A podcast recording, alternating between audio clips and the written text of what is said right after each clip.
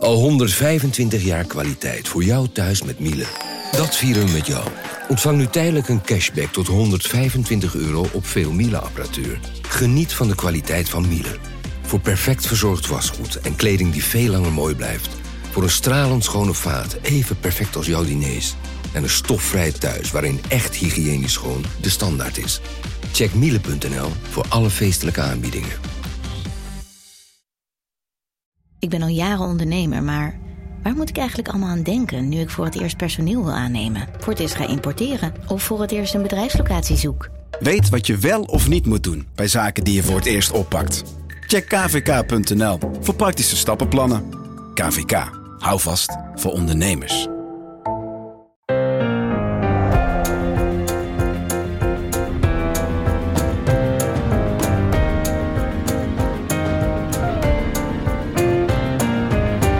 Dit is Haagse Zaken van NRC. Mijn naam is Lemia Aharwai.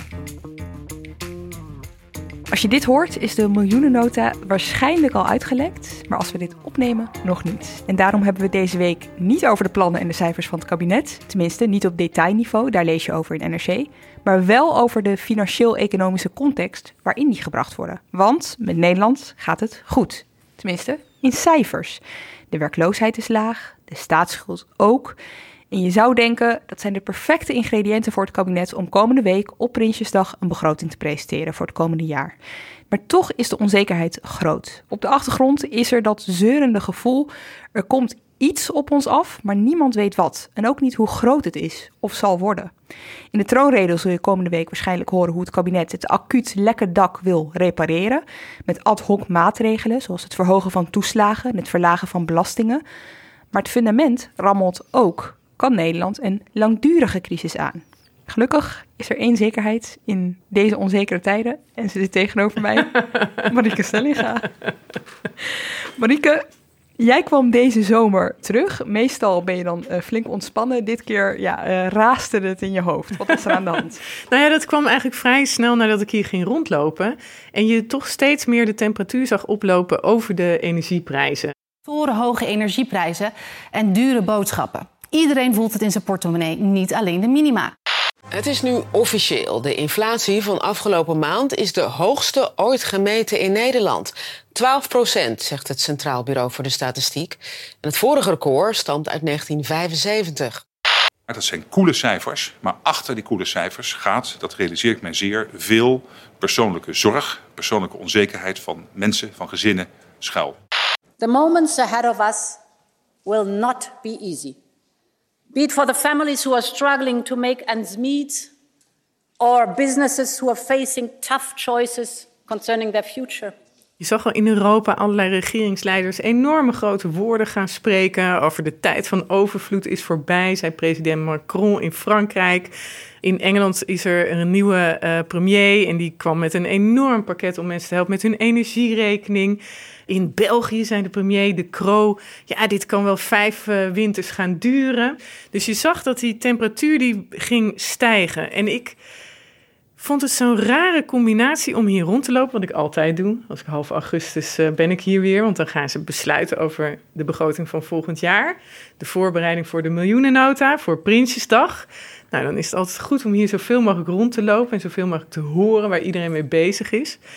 En deze keer ging het kabinet inderdaad grote besluiten nemen om mensen te helpen bij die energierekening en de kosten van boodschappen die omhoog gaan. Hè? Alles wordt duurder de laatste tijd.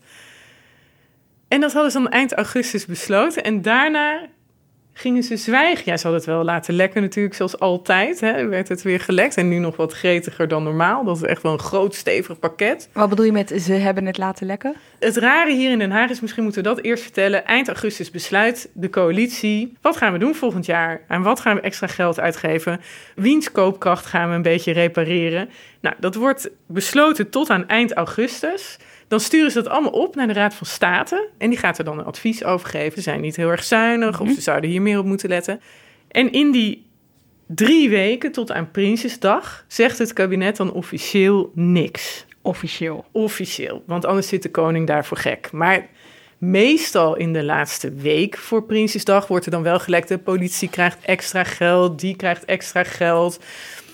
De cadeautjes, de leuke dingen. De nare dingen die lekker wat minder gretig. Maar goed, nu lag er al zo'n druk op. Er moest een groot koopkrachtpakket komen. Want met die koopkracht van mensen heeft het Centraal Planbureau voorspeld. Gaat het dit jaar echt snel en hard achteruit op een manier die we niet vaak hebben gezien. Voor veel mensen het verschil tussen net wel of net niet rondkomen. Zonder extra maatregelen daalt de koopkracht van huishoudens dit jaar met 6,8 procent. De directeur noemde het zelf dramatisch.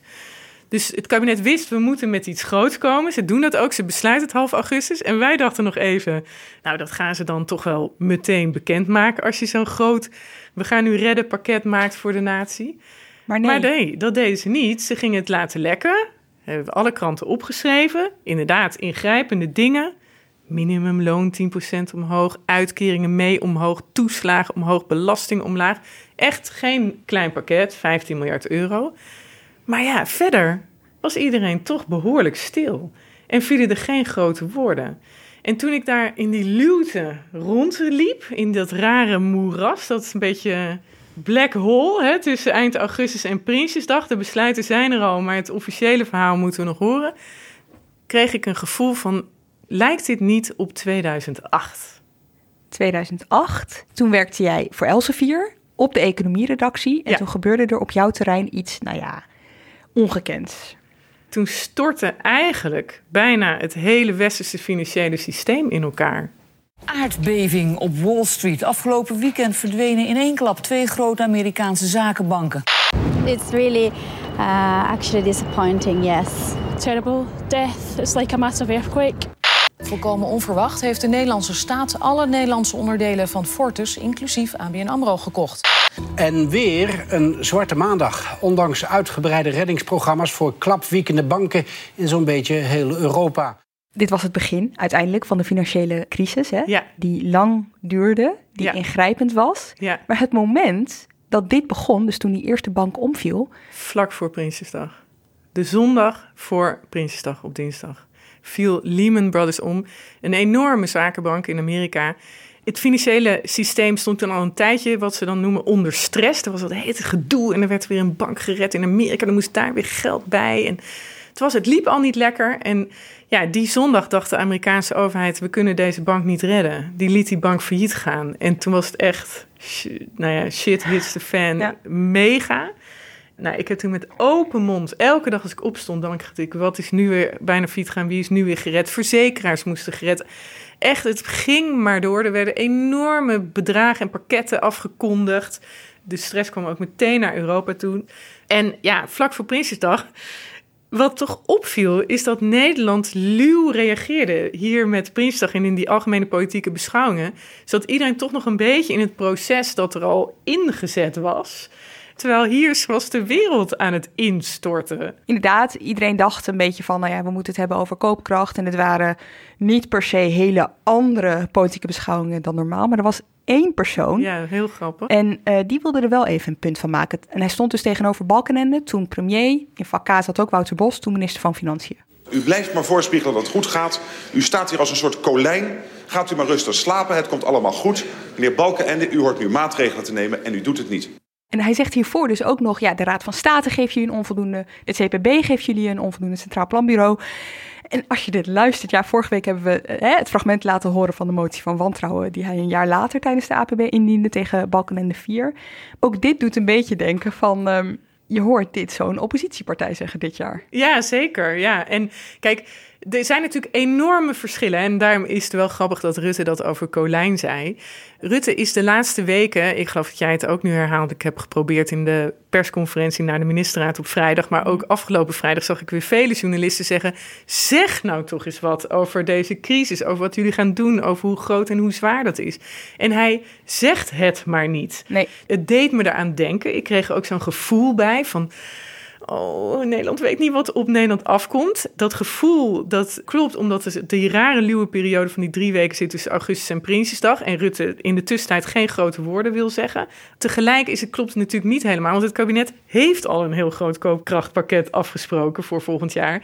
En erkent ook wel dat hier echt iets aan de hand is. Hè? Dus dat is het verschil daartussen. Overigens, voor de wat jongere luisteraars, Colijn. Dat is Hendrikus Colijn, minister-president. En hij zei dit in 36, hè, ga maar slapen. Uh, het komt allemaal wel goed. Dat was een beetje de ondertoon van zijn boodschap. Terwijl de grote depressie, uh, Hitler was in uh, opkomst in, in delen van Europa. De shit was al aan, zeg ja, maar. Ja, en dat is hem voor de rest van zijn leven en daarna nagedragen. Maar toch eventjes, ja, je had dat onbestemde gevoel toen je terugkwam van vakantie. Je moest denken aan 2008. Ja.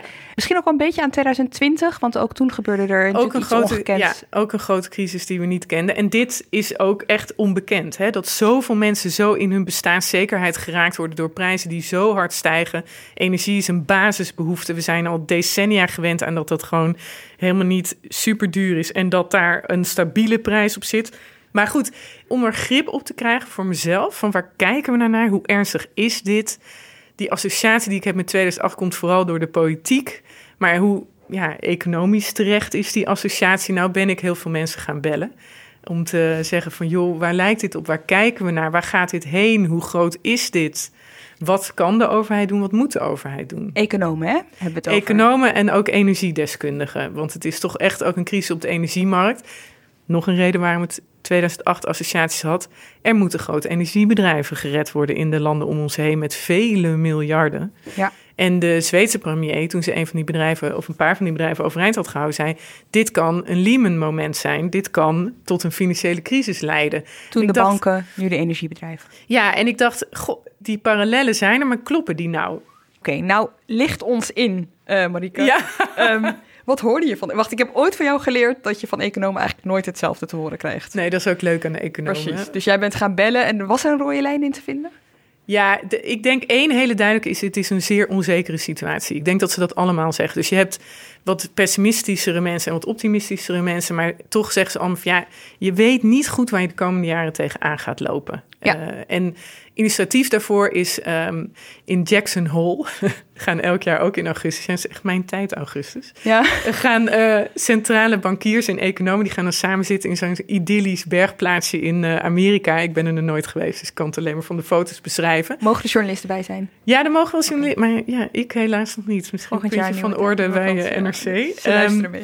Maar goed, die gaan er dan samen zitten... en tegen elkaar een beetje vertellen hoe de wereld ervoor staat. De wereldeconomie dan. En het lijkt soms ook wel een beetje op een soort groepstherapie-sessie. Want uh, ik heb zelden daar eens positieve verhalen vandaan horen komen. Want het gaat om fantastisch. Maar goed, misschien zegt dat wat over de tijd dat ik journalist ben. Dat er elke crisis was. Maar dit jaar was daar Isabel Snabel, Duitse directielid van de Europese Centrale Bank. En die had echt een hele interessante analyse. Die zei van ja, het zou best kunnen door deze energiecrisis en de oorlog in Oekraïne, maar ook ja, fossiele brandstoffen zouden best wel een tijdje schaars kunnen zijn voor Europa, met name. En klimaatontwrichting, die ook ervoor zorgt dat bepaalde energie soms ja, schaars wordt. Hè. Deze zomer was het zo droog dat er niet genoeg koelwater was voor de kerncentrales in Frankrijk. Niet genoeg water voor de waterkrachtcentrales in Scandinavië. Nou ja, dat zorgt dan ook voor extra schaarste Ja. op een markt die natuurlijk door Poetin met zijn gasgedoe zijn gasoorlog eigenlijk extra versterkt wordt. Klimaatontwrichting en die energiecrisis die grijpen eigenlijk op een manier op elkaar in. Zij zei dat het best kan zijn dat we de komende jaren A kijken naar dure energie. En B, dat we vaker dit soort schokken, en dat hoeft niet alleen bij energie te zijn, gaan meemaken. Dat we gewoon dingen op ons afkomen zoals we dat niet gewend zijn. En dat gaat dan vooral toch over prijzen van bepaalde dingen. En dat die volatieler zijn, bewegelijker dan voorheen.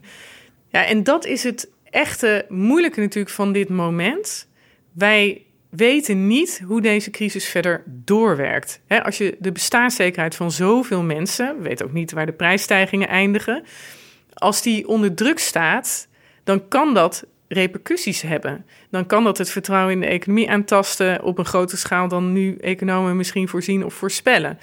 Maar het kan ook op een andere manier verder in die economie doorwerken. Bijvoorbeeld bij bedrijven die veel energie gebruiken voor hun productie en die nu echt in de problemen komen en met die productie misschien wel stoppen of failliet gaan.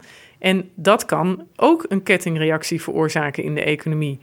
Hier in Nederland hoeven nog geen energiebedrijven te worden gered, in andere landen wel. Ja, wat heeft dat dan weer uiteindelijk voor effect op de rest van de economie? Dus ik denk vooral dat het ongelooflijk onzeker is op wat voor kantelpunt we staan. En kijk, onzekerheid is natuurlijk niet goed voor bedrijvigheid of een economie in het algemeen. Want dan ga je toch even niet investeren als bedrijf. Of je gaat toch even niet die opleiding doen op je werk hè, om een betere baan te krijgen. Dan stokt alles. Maar daarvoor is het heel belangrijk hoe de overheid reageert. Want dat hebben we gezien in de coronacrisis. Toen heeft de overheid meteen een enorm groot steunpakket gemaakt. En ik denk dat je achteraf wel kan zeggen dat dat het vertrouwen in de economie enorm heeft gestut. En dat heel veel bedrijven wel door zijn gegaan met investeringen. En mensen wel die opleiding zijn blijven volgen. Omdat de overheid zei: ja, we gaan u niet in de steek laten. We hebben gewoon heel veel geld. En we gaan met loonsubsidie banen overeind houden. En op andere manieren zorgen dat u niet door het ijs zakt. Dus hoe de overheden vanaf nu reageren en of hun ingrepen werken en lukken, is heel bepalend voor hoe de economie natuurlijk weer uiteindelijk ervoor staat.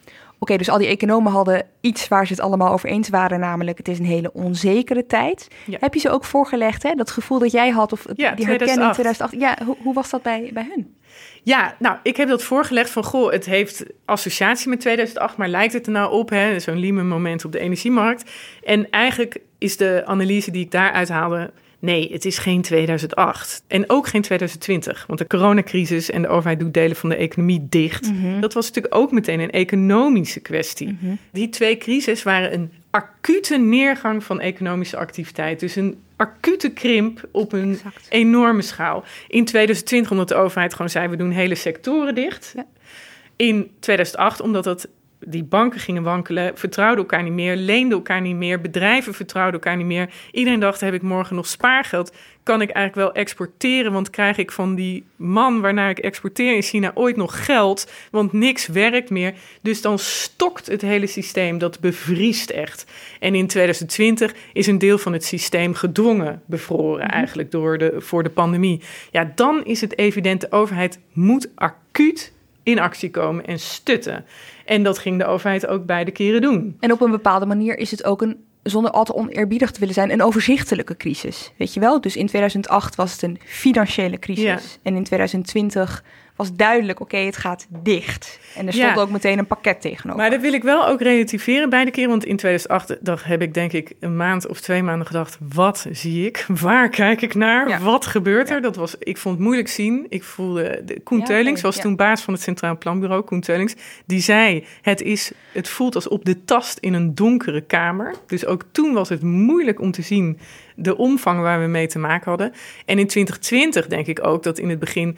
de economische voorspellingen zo zwartgallig waren... dat ze die later echt weer hebben bijgesteld. Ook van officiële instituten als het IMF... die echt voorspelden van nou, dit wordt een economische crisis... die ze weer gaan niet kennen. En dat bleek mede doordat overheden zo snel steun eh, gaven... Dus eh, mee te vallen. Dus, over- dus overzichtelijk met terugwerkende kracht. In de zin van als je erop terugkijkt... kan je zeggen, het altijd overzichtelijk ja, noemen. En daarom is dit ook leuk om zo nu dit te gaan vragen aan alle economen. Want ja, iedereen is een beetje aan het aftasten waar we naar kijken. Nou, en wat is het verschil nu? De economie draait nu ten opzichte van 2008 als een tierenlier. Ook na de inval in Oekraïne, ook nadat de energieprijzen al aan het stijgen waren en toen verder stegen, heeft de economie nog verrassend hard in Nederland gegroeid. Het consumentenvertrouwen is super laag, maar de consumptie is tot nu toe niet keihard eh, naar beneden gegaan. Hoe kan dat? Is dat niet de totale schending van een economische wet?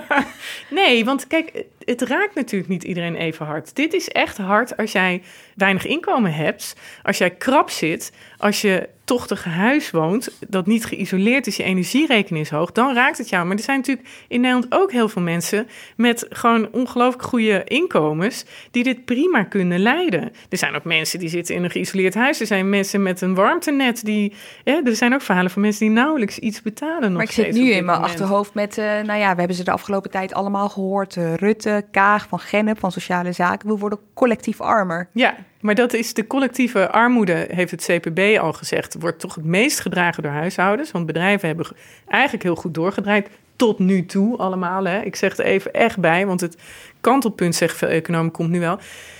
Winsten zijn eerste half jaar hoog gebleven van het bedrijfsleven in het algemeen. Natuurlijk ook niet allemaal. En ja, die collectieve verarming, die dragen wel alle huishoudens, maar die raakt of brengt het meest in problemen natuurlijk de onderkant van de inkomens. En de grote vraag is nu, tot hoe ver reikt die onderkant? Middeninkomens, daar klinken nu toch ook steeds meer verhalen over dat die geraakt gaan worden. En dan is de vraag natuurlijk, want middeninkomen, ja, dat zijn heel veel mensen. je hebt ook hogere middeninkomens, je hebt laag. Dus tot waar komt die klap? En tot in hoeverre kan je tegen mensen zeggen, ja, je zal toch zelf je moeten aanpassen in je gedrag. En eh, als je eh, even cru gezegd drie keer op vakantie gaat, dan nu twee keer. Ja. En welke moet je als overheid echt ook boven water houden? Want die kunnen gewoon de energierekening straks niet meer betalen en dreigen afgesloten te worden. En daar, daar is het moeilijk zien. Misschien bedoelde ik dat wel toen ik zei het was overzichtelijk in 2008 en 2020. Dit is moeilijker om te zien. Dit is moeilijker om te grijpen of zo. Hoor je dit allemaal zeggen, maar die vraag wat is het nou eigenlijk voor crisis? Ja. En het is een politiek-economische crisis veel sterker. Hè? Omdat het, ik denk dat het meer, het is meer een maatschappelijke crisis dan een economische crisis zoals 2008 was. En kijk, als ik het zeg, denk ik al, dit, ik moet tien uh, dingen erbij zeggen. Want 2008 leidde natuurlijk tot jarenlange hele nare hoge werkloosheid. Je baan kwijtraken is nog steeds Mhm. echt een van de ergste dingen die een mens kan overkomen, economisch gezien. Iemand in mijn stuk zegt, die energierekening is een monster dat heel langzaam de huishoudens binnensluipt. Hè? Het ligt veel sneller bij veel meer mensen op het bord dan die financiële crisis in de portemonnee. De financiële crisis hield iedereen enorm bezig. Ja, en iedereen ja. was bang voor zijn spaargeld. En Pauw en Witteman had toen volgens mij ook mega kijkcijfers. Hè? Dus het is echt niet dat iedereen dacht, oh, banken vallen om, maakt mij het uit. Maar dit komt meteen. Het begint eigenlijk met, jeetje, wat krijg ik nou voor rekening in de bus?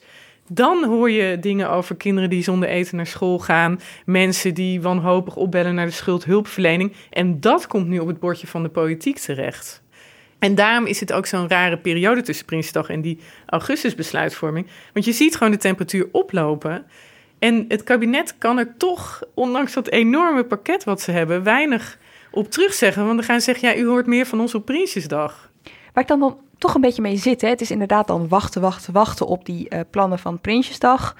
En tegelijkertijd zeg je net, de economie gaat als een tierenlier. Dus mensen moeten geholpen worden, maar tegelijkertijd, de staatsschuld is laag. De werkloosheid is laag. Ja. Je zou denken, het zijn de beste ingrediënten Ja. om nu ja, flink de portemonnee te trekken. Nou, de economische cijfers zijn altijd wat, lopen wat achter. Hè? Dus dit is tot deze zomer, zeg maar. Draaide de economie onverwacht zeer goed. De economische groeicijfers waren hoger dan verwacht. Hè? Ook na dus de oorlog in Oekraïne. Hoe komt dat? Wij zijn ontzettend voortvarend uit die crisis gekomen. En Nederland heeft eigenlijk meer last van dat er te veel vraag is. De economie kan niet bijbenen wat mensen willen hebben, zeg maar. De bedrijven kunnen niet bijbenen, kunnen het niet aanslepen. En mensen kwamen natuurlijk uit corona. En dan heb ik het niet over die groep die nu last heeft van de energierekening. Maar er is natuurlijk ook een grote groep mensen die gewoon een hoog inkomen heeft, die zijn baan tijdens corona heeft gehouden, die het niet kon uitgeven, die meer geld heeft gespaard. En die nu dacht, ja, nu mag ik. Nu kan ik naar een terras, nu kan ik naar een restaurant, ik kan op vakantie. En die geven dat nog steeds uit. En die zijn ook niet de slachtoffers van deze crisis. Want ja, die moeten dan wel meer aan hun energierekening betalen, maar die kunnen dat waarschijnlijk prima doen. In alle analyses ook, ook van het Centraal Planbureau, zie je dat een grote groep huishoudens hierdoor in problemen kan komen.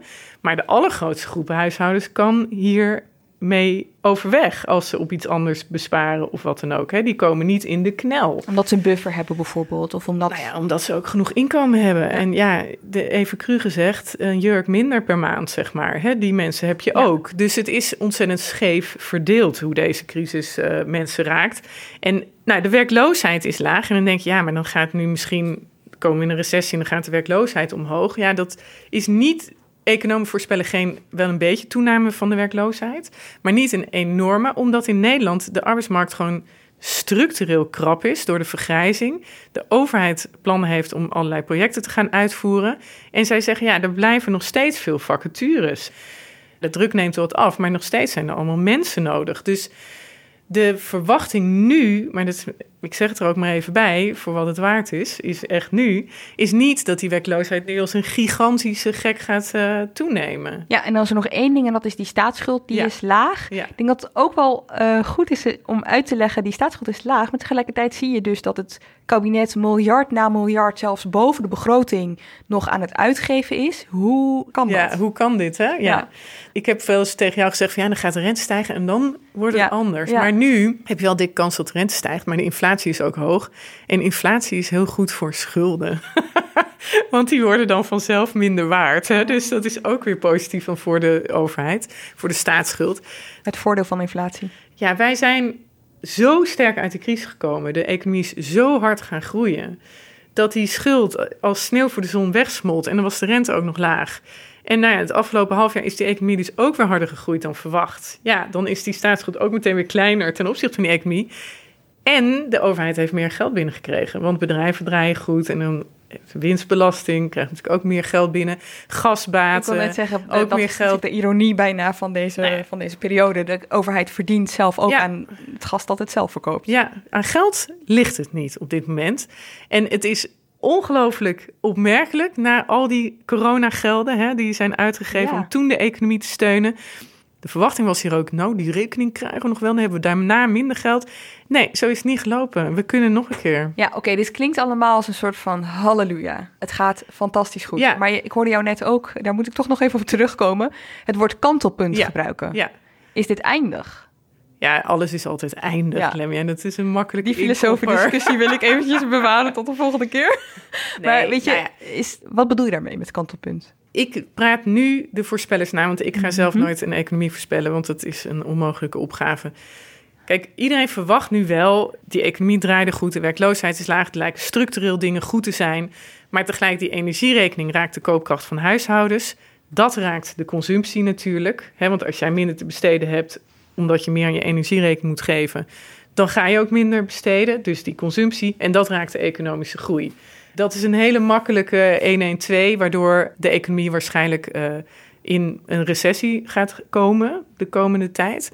Dan lees ik de meeste instituten hebben het dan nog over een milde recessie, een lichte recessie, een kleine recessie. Wat merken mensen van een recessie? Nou ja, daar hoef je helemaal niks van te merken als er niet enorme werkloosheid op volgt. Die enorme werkloosheid wordt nu niet voorspeld.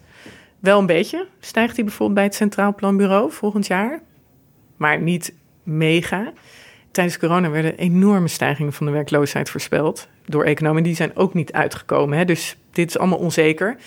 En ik denk dat het meer dan gemiddeld onzeker is, want we weten niet goed hoe de energieprijzen wel of niet blijven stijgen. We weten niet goed wat de ingrepen die in Europa nu bijvoorbeeld gedaan worden op de energiemarkt, hoe die uitpakken. Kan ook hele averechtse effecten hebben. Bijvoorbeeld dat ze uit het buitenland denken, nou, ik krijg daar minder geld voor mijn gas, want ze hebben een gasplafond. Dus ik ga niet meer met die boot naar Nederland. Hè, dat is nu nog niet aan de orde, maar Nee. het kan ook eh, gebeuren. En wat tegelijkertijd gebeurt, is dat de centrale banken zien de inflatie toenemen. Dat vinden ze niet goed. En dan gaan ze allemaal hebben ze aangekondigd de rente te gaan verhogen. En dat is allemaal bedoeld om die inflatie naar beneden te krijgen, om de economie af te koelen, om lenen duurder te maken en daarmee investeren voor bedrijven duurder. Ja, en als je dat te veel doet, dan kan je die economie zelf nog een extra zet naar die recessie geven. En dan kan je dus zelf veroorzaken dat er meer mensen werkloos worden en mindere tijden komen. En het is heel moeilijk voor centrale banken om te bepalen hoeveel ze de rente moeten verhogen om die inflatieverwachting te temperen, zonder dat je onnodig de economie in een recessie duwt. Dus ik vind dit zelf allemaal hele, hele, hele grote onduidelijkheden en grote veranderingen die nu plaatsvinden, waardoor ik echt niks ga zeggen over hoe de economie ervoor staat. Maar ik geef wel waarde aan dat de meeste economen nu wel zeggen van ja, oké, er komt nu wel een recessie, maar nog niet een super zware of zo. Nou, als ik je zo hoor, is een recessie per definitie slecht? Nee. Het is dus ook een manier om de boel een beetje te kunnen verkoelen. Het, precies. Afkoelen. En het is ook een feit van het leven. Hè? Dus ik heb zelf voel ik altijd enige weerstand tegen mensen die zeggen: Oh nee, een recessie. Ja, natuurlijk is het erg als die diep en zwaar is en mensen jaren werkloos zijn, zoals na de financiële Ja. crisis. Maar op- en neergangen van de economie zijn onderdeel van de wereld. Dat is ook onvermijdelijk. En er zijn inderdaad economen, Arnoud Boot zegt dat bijvoorbeeld in dat stuk wat ik schreef, een beetje lucht. Hè, in de zin van iets minder vraag, iets minder vacatures, iets minder eh, oververhitting in die economie is in de Nederlandse economie best wel goed. Want het is nu allemaal heel erg overspannen geweest tot aan de zomer. Dus ja, dat kan een beetje lucht geven. Wat betekent dat, lucht? Nu is eigenlijk het aanbod kan de vraag niet bijbenen. Hè? Dus we willen meer Ja. spullen en producten dan eh, bedrijven ons kunnen geven. Nou, dat heeft door corona komt het omdat bepaalde aanvoerlijnen zijn opge, eh, eh, verstopt. Hè? Dus die, die werken niet meer goed. We slepen ons spullen natuurlijk de halve wereld over en die productielijnen stokten. Er is een tekort aan personeel in Nederland. Dus ja, de vacatures, het meest gehinderd worden bedrijven, Mhm. zeggen ze tot voor kort door vacatures. Hè? En het, nu ga je natuurlijk de bedrijven horen die zeggen: ik word gehinderd door de hoge energierekening ook. Maar het meeste werden ze tot nu toe gehinderd door die vacatures. En ja, als die economie wat afkoelt en wat afremt, dan kan iedereen weer even eh, ademhalen. Wordt het allemaal weer wat minder. Dat er vacatures zijn en dat iedereen meer personeel kan vinden voor wat hij wil doen. Maar goed, dat is dus de optimistische versie van het verhaal. Precies, ook wel goed om eventjes eh, te laten horen. Zeker. En ik denk ook, net zoals toen de coronacrisis in Nederland kwam, we stonden er tot voor kort. Als je macro-economisch bekijkt, dus over de hele economie, stonden we er gewoon goed voor. Waarom zeg je tot voor kort? Omdat ik, de cijfers zijn tot deze zomer. Ja, dus precies. ik- ja. Er kan nu al iets plaatsvinden wat ik niet kan zien, zeg maar. Maar als mensen dit horen, hè? Dus Ja. het is best een positief verhaal over onze economie, die eh, eigenlijk alles eh, goed weet eh, te doorstaan. Ja. En mensen horen dit, maar kijken tegelijkertijd naar hun energierekening, Ja. naar hun bonnetjes, Ja. naar hun salaris Ja. en naar hoe ze in godsnaam de maand moeten doorkomen. Hoe rijmt dat zich dan met elkaar? Dat blijft voor mij een vraagteken. Ja, ongelijkheid hè, in hoe je ervoor staat in Nederland tussen huishoudens die weinig geld hebben en huishoudens die behoorlijk veel geld hebben. Dat rijmt. Eh, en een vertraagde crisis. Dus vergeet niet dat deze energieprijzen stijgen al een jaar. En die zijn naar de oorlog in Oekraïne nog meer gaan stijgen hè, in februari. En nu naar de zomer zijn ze helemaal bizar gaan stijgen. Hè? Dus het, die prijsstijgingen gaan de hele tijd door. Nog zoiets, de inflatie, de prijsstijging van andere producten blijft ook maar doorgaan. En dat ja, had ook nu gestopt kunnen zijn, hè, als je daar een half jaar geleden over gepraat had. Dat weet je allemaal niet. Nou, dat wordt allemaal dus erger. Dus het effect van deze crisis op de levenskosten, levenskostencrisis, had Matthijs Bouwman laatst bedacht, een collega-econoom van het FD, vond ik wel een mooie. Die levenskostencrisis, die verdiept zich de laatste maanden natuurlijk heel erg. En dat merkt het kabinet nu ook, dat zij iets besluiten eind augustus en dat eigenlijk de zaak zo doorloopt dat dat eigenlijk ook weer al een beetje misschien is achterhaald. Ja, precies. En dan zie je dat er, nou ja, hier er lekt meer uit. Deze week iets over een fonds waarmee de overheid schulden zou overnemen van mensen die eh, dreigen afgesloten te worden van het gas bijvoorbeeld. Ja. Het komt allemaal best wel acuut over. Dus hè, het zijn allemaal maatregelen waarmee je, ja, ik probeer het dan te visualiseren. Dus je staat ergens, je kijkt naar boven en daar is een gat in het dak. En daar, dan ren je daarheen met Ja. je emmertje en dan ren je daarheen. Ja. En dat is allemaal nodig, Ja. want je wil niet dat de boel verzuipt. Maar het roept ook wel de vraag op, Hadden ze dit niet eerder kunnen bedenken? ja, Ja. ik weet het klinkt ook een beetje makkelijk misschien, maar ja, Ja, moet ja. dit acuut? Het is goed dat je dat zegt. We hebben natuurlijk altijd makkelijk praten vanaf de zijlijn. Maar tegelijkertijd moet ik wel, als jij dit nu zo de- zegt, denken aan de Wetenschappelijke Raad voor het Regeringsbeleid, die laatst bij ons in de krant zei. De overheid moet veel meer de slechtste scenario's doordenken van dingen. En dat deden ze niet bij corona, toen het kabinet en RIVM zeiden, terwijl het al in China en Italië was van nou, eh, Ja. Het, zal zo vaart niet lopen Ja, hier. ik zie die ook En echt daarna serieus, ja. zich snel moest inhalen. Maar zij zei, die eh, voorzitter van de WRR... ja, dat is ook voor deze Oekraïne-oorlog. Misschien komt er een wereldwijde voedselcrisis. Denk even nu alvast na wat dat voor implicaties heeft voor Nederland. Hè, wij exporteren heel veel vlees. Krijg je dan dat landen dat niet meer gaan doen, hun vlees exporteren? Ik, far out, hè? Maar Je kan er maar beter op voorbereid De lijnen af te lopen. Ja. en zo kan je je best voorstellen dat je een half jaar geleden had kunnen zeggen... stel nou dat we naar de zomer terugkomen... en dan doet Poetin dan de kraan dicht... en dan ja, gaan die prijzen oplopen... en dan zijn wij de voorraden aan het vullen... lopen de prijzen nog verder op... En stel nou even een heel bizar scenario dat de prijzen zijn zoals ze nu zijn. Hè? Dat je dat al een half jaar geleden bedacht. Moeten we dan niet mensen direct gaan stutten als ze hun energierekening niet meer kunnen betalen en een schuldenfonds oprichten waar ze dus in, kennelijk nu over praten? Ja, dat kan je je wel afvragen. Het komt bij mij ook ad hoc over om dit nu op het laatst te doen. Waar ik heel benieuwd naar ben. Kijk, dit kabinet doet echt wel wat. Ik weet niet, kan niet beoordelen. Dan wacht ik op de doorrekening van eh, de economen van het Centraal Planbureau Prinsjesdag voor. Ik weet niet in hoeverre mensen dat in hun koopkracht in welke groepen stut. Maar dat grote, we gaan nu redden pakket, waar ik het over had, dat ze eind augustus hebben afgesproken. Dat is natuurlijk een poging om die levenskostencrisis te bestrijden. Niet door die kosten meteen te verminderen, maar door het inkomen van mensen te verhogen, vooral aan de onderkant. Ja, dat doen ze met 15 miljard euro. Ook trouwens een beetje op die rekening door de belastingen te verlagen op energie. Opnieuw.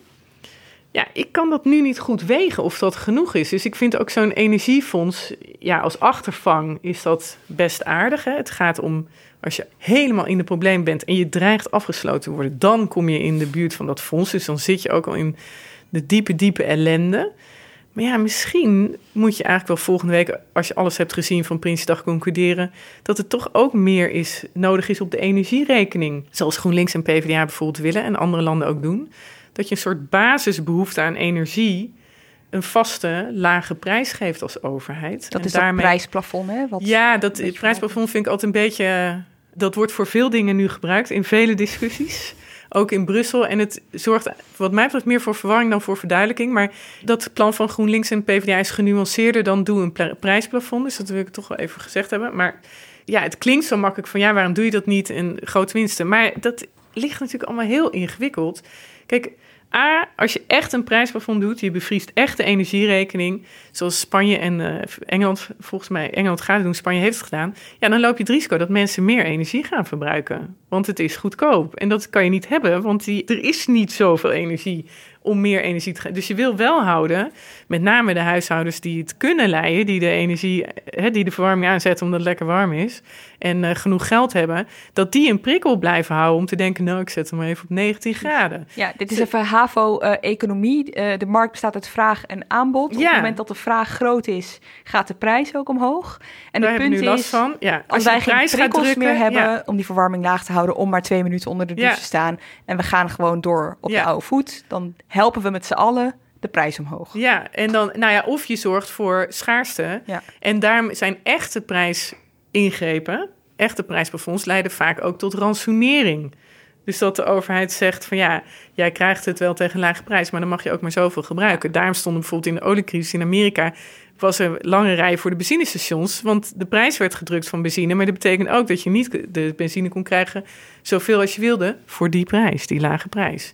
Er zit altijd een keerzijde aan dit soort ingrepen prijsplafond in het algemeen afkondigen. Ja, dat zeggen ook heel veel energiedeskundigen. Kan ook betekenen dat ze minder boten hier naartoe komen met vloeibare gas. Hè? Want die gaan het natuurlijk nu snel naar ons brengen en verkopen, omdat wij zoveel willen betalen om het te hebben. Dus de kans dat je dan vervolgens te weinig hebt, is ook aanwezig. Te weinig om aan de vraag te voldoen Ja. aan energie. Dus er zitten altijd allemaal haken en ogen aan. Ik denk een soort basisbehoefte aan energie. Van dit heb je minimaal nodig om een beetje warm bij te zitten in een huis. Daar de prijs van vastleggen als overheid. eh, Subsidiëren dus eigenlijk.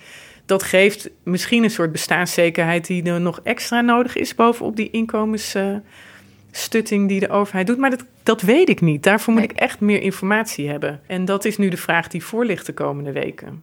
Oké, Marieke, je hebt het net over eh, koopkracht en eh, eh, dat je daar naar wil gaan kijken als die doorrekeningen van het CPB er zijn. Je praat er overheen, maar hier moeten we toch nog eventjes bij stilstaan, want Ik lig er klaar voor. ieder jaar als jij hier langskomt rond Prinsjesdag, heb jij altijd hetzelfde verhaal. Stop je vingers in je oren als het kabinet over koopkracht begint. Ja. Want jouw ergernis zit erin. Er wordt dan aan, jij noemt het altijd klopjes gedraaid. Het gaat echt over minimale koopkracht, dingen, procentjes die echt ongelooflijk weinig zeggen over wat je echt in je portemonnee overhoudt.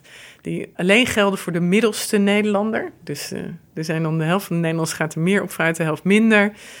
En het hele belastingstelsel wordt ervoor vernacheld, omdat het kabinet een leuk PR-praatje wil op Prinsjesdag. Precies, dit moeten we eventjes uitleggen. Want dan worden er dus allerlei, op het laatste moment allerlei maatregelen nog genomen. Dat is dat knopjes draaien op Ja. deelgebieden. Ja. Zodat Iedereen een plusje heeft. Eindelijk inderdaad eh, in de journaals, in de kranten kan staan dat iedereen erop vooruit Iedereen gaat. gaat erop vooruit. En dat gaat de dan doorrekening van het CPB. voor plus, over plus 1% of plus een half procent. Of, nou, en dat zegt gewoon helemaal niks. En het is een politieke PR-show die ongelooflijk ergelijk is. Niets te maken heeft met de realiteit. Waarvan ik altijd zeg, stop je vingers in je oren en doe er niet aan mee. Want het betekent allemaal helemaal niks. Maar, nu dit jaar, nou hier zijn de koopkrachtplaatjes voor bedoeld. Namelijk om keihard door het ijs zakken achtige effecten door te rekenen voor bepaalde huishoudens. En ja, nu is het belangrijker dan ooit om dat te zien. Wie wordt geraakt? Hoe wordt het geraakt? Helpen die maatregelen van het kabinet? Wie is er niet bij geholpen? Ja, ik ben ongelooflijk benieuwd. Want kijk, dit hele circus wat ik je net vertelde, waarvoor ik om half augustus dus altijd terug ben van vakantie, begint met sorry voor het jargon, de CMEF van het CPB. Dat is de eerste koopkrachtdoorrekening en economische doorrekening die de economen van het Centraal Planbureau maken. Die C staat voor concept. Want, concept, macro-economische verkenning. De echte macro-economische verkenning komt op Prinsdag. Nou, CPB geeft die aan het kabinet. CMF uh, geeft ons ook uh, aan ons allemaal. Was nu dramatische koopkrachtvoorspelling. Dit jaar min 7% in doorsnee. Nou, dan kan ik nog steeds zeggen, is het de middelste Nederlander. Maar dan weten we, dat is echt heel veel. Dan gaat het kabinet dus die koopkracht proberen te verbeteren met maatregelen. Zoals nu minimumloon omhoog, uitkering omhoog, belasting omlaag. Nou ja, en nu zit ik dus heel erg te wachten op de koopkrachtplaatjes, omdat ik heel erg benieuwd ben. Hoe is de koopkracht voor raming van het CPB na dat grote we gaan nu redden pakket van het kabinet? Dat we dus ook op Prinsjesdag uh, officieel krijgen. Je maar kan niet fundamenteel zien. Ja, je, precies, Ja, je kan zien, helpt Ja. het nou? En, en maakt het heel, eigenlijk het goed of bijna goed of meer dan goed? Ja, dat is allemaal best ingewikkeld. En dan zullen er nog steeds groepen zijn die daar buiten vallen. Dus de, waar niet zo goed uitpakt. Nou, het CPB maakt een belangrijke- middeninkomens. Hè, wat gebeurt daar dan?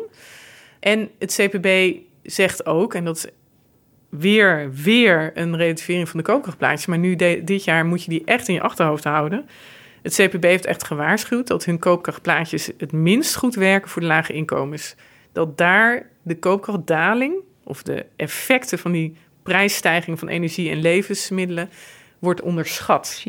Dan staat in de koopkrachtplaatjes de laagste inkomens, hè, stel, gaan er min 7% op achteruit. Dan zegt het CPB, dat is een onderschatting van het werkelijke effect. Echt een belangrijke disclaimer eigenlijk. Absoluut, absoluut. En daarom is dit ook echt een crisis van een deel van de huishoudens. En Marieke, kijk, dit is allemaal over nu. Dus dit gaat allemaal over nu. Dus nog een keer, we staan in dat huis, het dak lekt. Ja, Maar laten we het nu ook even hebben over het fundament Ervan, van het huis. ja. Want als we weer teruggaan naar Jackson Hole over die speech waar je het net over had, hè, eh, die, dat die, de lid van de ECB, eh, Schokken, ja. over de schokken inderdaad, dan vraagt het ook wat van Nederland. Dan vraagt het ook wat van, zijn wij voorbereid op een langdurige tijd waarin die prijs een paar keer omhoog schiet en weer omlaag valt? Ja. Dus je kan niet eh, ieder jaar 15 miljard extra blijven uittrekken om te stutten, om te repareren. Ja. Kan ik me zo voorstellen. Nou ja, ik denk dat als het moet, dat ze dat dan ook gaan doen. Daar zijn we dus ook rijk genoeg voor, zou ik willen beweren. Ja. In Nederland, je kan veel over Nederland zeggen, maar inkomensongelijkheid of aan de onderkant echt structureel mensen er doorheen laten zakken, dat heb ik toch niet als beleid heel vaak eh, verdedigd zien worden. Ja, kunnen we dat? Kijk, er zijn een aantal dingen lastig. In Nederland kan heel veel. Nederland is een superrijk land. En Nederland heeft ook nog steeds heel veel creativiteit in de economie. En daar kunnen mensen ook dingen snel. Dus wij konden heel snel in 2020 de pandemie ging niet zo snel, wat we allemaal daar konden. Hè, de, de, de mondkapjes, de vaccinaties, de IC, hadden we te weinig IC-capaciteit, wat bleek. Nou ja, dat zat ons dwars, dus daar ging het niet supergoed. Of helemaal niet goed. En in de economische steun waren we geweldig snel. Daar hebben op een ongekende schaal, ja, ik zeg we, maar dat, dat heeft het ministerie van Sociale Zaken gedaan. Op ongekende schaal is daar aan bedrijven loonsubsidie uitgekeerd. Voor, ik ben even, ik dacht één op vier bedrijven en eh, uiteindelijk in eerste instantie 3 miljoen werkenden. Ik zeg het uit mijn hoofd als het niet waar is, mensen corrigeer mij op Twitter. Maar dat, ik weet nog wel dat ik dat een paar keer heb opgeschreven. De schaal waarop toen de economie is gestut, is echt ongekend. En dat was er heel snel. Dus Nederland kan dingen. Bedrijven zijn toen die nooit mondkapjes maakten, zijn toen mondkapjes gaan produceren in Nederland. Hè? Dus we moeten niet onszelf in de put praten dat wij niks kunnen. Dat is niet zo. Er zijn een aantal maren. Eén is dat je zou eigenlijk heel snel nu willen versnellen in die verduurzaming. Je zou veel sneller huizen willen isoleren. Met name tochtige huurhuizen van corporaties bijvoorbeeld. Je zou veel sneller zonnepanelen willen neerzetten. Daarvoor het elektriciteitsnet verzwaren. Maar dat is lastig door twee dingen eigenlijk. Eén, tekort aan mensen. De arbeidsmarkt is krap. Dus het is moeilijk om daar snel mensen voor te vinden om dat te doen. En het tweede is, en dat speelt met name bij die energietransitie, bij het elektriciteitsnet en alles wat je daarvoor aan de achterkant moet neerzetten, zeg maar de grote leidingen en kabels die daarbij komen. Vergunningen, die duren in Nederland ook ontzettend lang. En ja, het is hartstikke leuk, windmolens, als je daarvoor bent, maar in je achtertuin is het altijd net wat anders. Dus dat vertraagt echt uh, wat we kunnen. Zowel op bureaucratisch vlak als uh, wat betreft draagvlak eigenlijk. Ja, zeker. En dan heb je dus dit jaar zag je dat de hele tijd. En daar is de Kamer inmiddels echt super gefrustreerd over. Volgens mij ook de coalitie. Ja, er is al vanaf het voorjaar wordt gezegd: moeten we mensen niet nu dit jaar al meer helpen die last hebben van die hoge energierekening? En ja, daar is toch heel vaak het antwoord van het kabinet geweest. Ja, dat kan niet in de lopende systemen. Dat haalt te veel overhoop. En uitvoeringsdiensten zoals de Belastingdienst kunnen dat ook niet bolwerken. En ja, dat gaan ze dan nu wel per 1 januari doen. Maar een van de redenen dat die temperatuur zo oploopt, is dat mensen zeggen, steeds meer mensen beargumenteren, die januari, wie dat haalt een deel van de huishoudens misschien wel niet. Dus je moet toch nog dit jaar wat gaan doen. Ja. En daar komt bijvoorbeeld dat energiefonds om de hoek kijken. Dus Nederland kan veel, maar het kampt ook met beperkingen.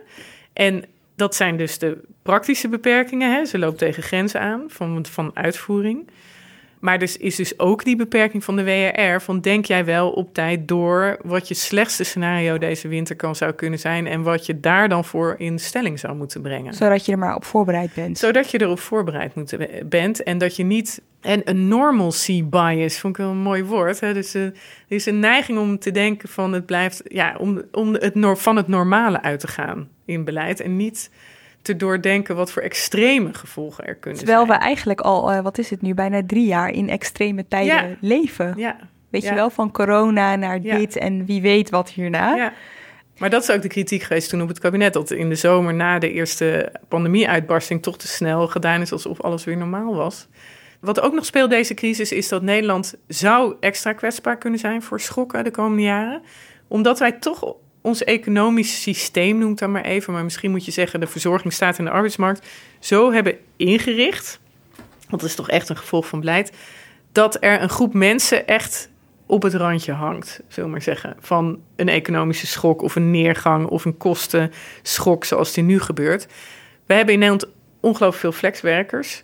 Dat hebben we zo gemaakt. Hè? Uh, dat hebben andere landen minder dan wij. Dat is beleid geweest, hè? Dat is absoluut ja. beleid geweest. Uh, belastingvoordelen die er zijn uh, voor ZZP'ers bijvoorbeeld... ten opzichte van mensen die in loondienst zijn. Maar ook regels op de arbeidsmarkt. Exact. En daardoor hebben wij opvallend veel flexwerkers. Nou, daar is nu inmiddels door zoveel geleerde commissies... ook door het kabinet omarmd, vorig en huidig kabinet gezegd... dat dat echt een Achilleshiel is van Nederland. En dat, nou ja, commissie Borslap zei bijvoorbeeld, kan tot een socia nieuwe sociale kwestie leiden. Hè, tussen mensen die eigenlijk vrij kansarm zijn misschien. Want ja, ze hebben misschien niet zo'n hoge opleiding, ze hebben een laag inkomen. Maar die zijn vaak ook het oververtegenwoordigd in die flexbaantjes. Hè, dus ze hebben al niet een enorme Ja. buffer. Ze staan misschien al niet zo sterk en die vliegen er ook als eerste uit. En dan hebben we ook nog een verzorgingsstaat die aan die mensen vooral zekerheid heeft geprobeerd te geven door ze toeslagen te geven. En die toeslagen zijn afhankelijk van je inkomen. Maar als je flexwerker bent, dan kan je ook weer even plotseling wat meer werken. Dan moet je weer toeslagen terugbetalen en dan kom je in betalingsproblemen. Dat is ook een reden dat bijna iedereen, ook in dit kabinet, ook vorig kabinet en in de Kamer, van die toeslagen af wil. En trouwens, zeer opvallend, er zijn nu berichten dat ambtenaren moeite hebben om de energietoeslag van 1300 euro voor de allerlaagste inkomens bedoeld om je te stutten in je energierekening als je echt een minimum inkomen hebt, dat er kennelijk mensen zijn die zeggen nee hoor, ik hoef dat ding niet. Hè, van, het is een toeslag, dus Ja. ik zal moeten terugbetalen. Nou ja, dat zegt iets over dat dit model van financiële zekerheid geven, dat dat echt niet werkt en dat dat echt moet veranderen. Dat je toch denk ik op een andere manier mensen meer in hun bestaanszekerheid, zoals een CDA-wethouder Peter Heikoop uit Dordrecht heeft zegt, meer in hun bestaanszekerheid moet stutten. Want dat flexwerk, die toeslagen, weinig spaargeld, snel je baan kwijt, niet super hoog opgeleid, niet echt op de arbeidsmarkt ben jij altijd de eerste die een beetje in de penarie zit als het wat minder gaat. Ja, dat hebben wij gemaakt. En dat maakt ook dat we kwetsbaarder zijn, of in elk geval een groep Nederlanders kwetsbaarder is tijdens zo'n schok. En ik zeg we, maar de economie als geheel is dat dan niet. Dan, je legt eigenlijk de klap van zo'n economie ja. neer bij een groep die ook al niet sterk staat. Dus ik zou echt, eh, ja, dat moet echt veranderen. En dat is kennelijk moeilijk en duurt allemaal lang. Maar de hele politiek vindt het, doe het dan ook. En één laatste voorbeeld daarvan. Schijnzelfstandigheid is verboden. Dat zijn dus ZZP'ers die eigenlijk geen ZZP'ers zijn, maar zo worden ingehuurd omdat het lekker goedkoop is. Hè, voor werkgevers. Want je hebt geen rechten en je hoeft dan geen Precies. sociale premies af te dragen. En je kan zo weer de deur uit. Ja, dat mag niet. Maar die wet wordt al zes jaar niet gehandhaafd. Dat vindt iedereen schande. Maar toch vinden we het allemaal heel moeilijk om daar iets aan te doen. Dus dat soort dingen, daar moet Nederland echt, echt aan de bak nu. Ja, we hebben het nu een paar keer eigenlijk over verduurzaming gehad en over de energiecrisis. Hè? Ja. Eh, je legde net al uit hoe in de zomer het samen bij elkaar kwam. eh, bijvoorbeeld een tekort aan koolwater om die kerncentrales eh, ko- koel te houden door de droogte. We hebben iemand in het kabinet zitten die toen hij ja zei tegen die post helemaal niet wist wat er zou gebeuren natuurlijk. Maar eh Rob heeft en klimaat en energie. Ja. En je zou kunnen zeggen, inderdaad, hij heeft de oplossing en het probleem. Ja. Want eh, sneller verduurzamen betekent minder afhankelijk eh, van, Van Russisch eh, gas. van Russisch Ja. gas. En nou ja, dat betekent ook wat voor wat je ervoor moet betalen. Ja. Wordt daar optimaal gebruik van gemaakt? Laat ik het zo zeggen. Laat ik hem eerst maar eventjes een beetje neutraal formuleren.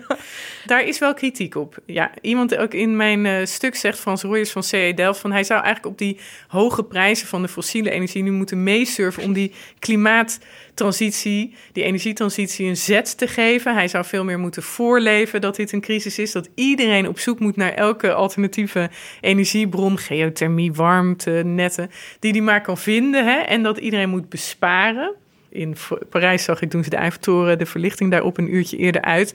Dat is misschien een uurtje, nou, hoe belangrijk is dat? Maar goed, het is ook een beetje symbolisch zeggen van... jongens, iedereen moet even ergens een besparingen zoeken... om die vraag naar energie te drukken. En eh, ja, die twee dingen hand in hand nemen en daarin versnellen... dat eh, zou die meer kunnen doen. Hij doet wel echt dingen natuurlijk. Hij is eh, de hele tijd bezig met gasvoorraden vullen, miljarden daar subsidie voor uittrekken. Hij heeft de kolencentrales weer aangezet, niet tot zijn eigen genoegen, om te zorgen natuurlijk dat er genoeg elektriciteit is. Hij kondigt subsidieregelingen aan voor bedrijven die sneller willen verduurzamen in deze crisis. En je hebt echt ja, dakpannenbakkers die zoveel gas verbruiken. Ja, die komen nu in problemen en die willen dan wel sneller overstappen. Misschien, nou ja, misschien helpt dan zo'n soort subsidieregeling. Dus ja, hij moet op die twee borden tegelijk schaken.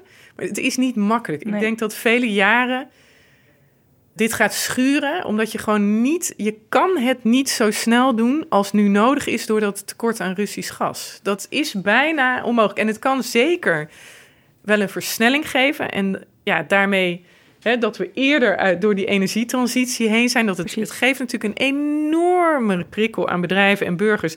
Als het zo duur is, die fossiele energie, om zonnepanelen, zie je ook, hè, die kan je niet meer aanslepen, zonnepanelen op je dak te leggen of ja, te gaan isoleren of voor bedrijven om sneller over te stappen naar alternatieve eh, energiebronnen. Dus ja, voor een econoom een hoge prijs is natuurlijk een enorme stimulans om een verandering in gang te zetten. Maar ja, ik denk dat het nog wel even gaat schuren. En omdat hij dingen moet doen als kolencentrales, het ook af en toe wel even pijn zal doen.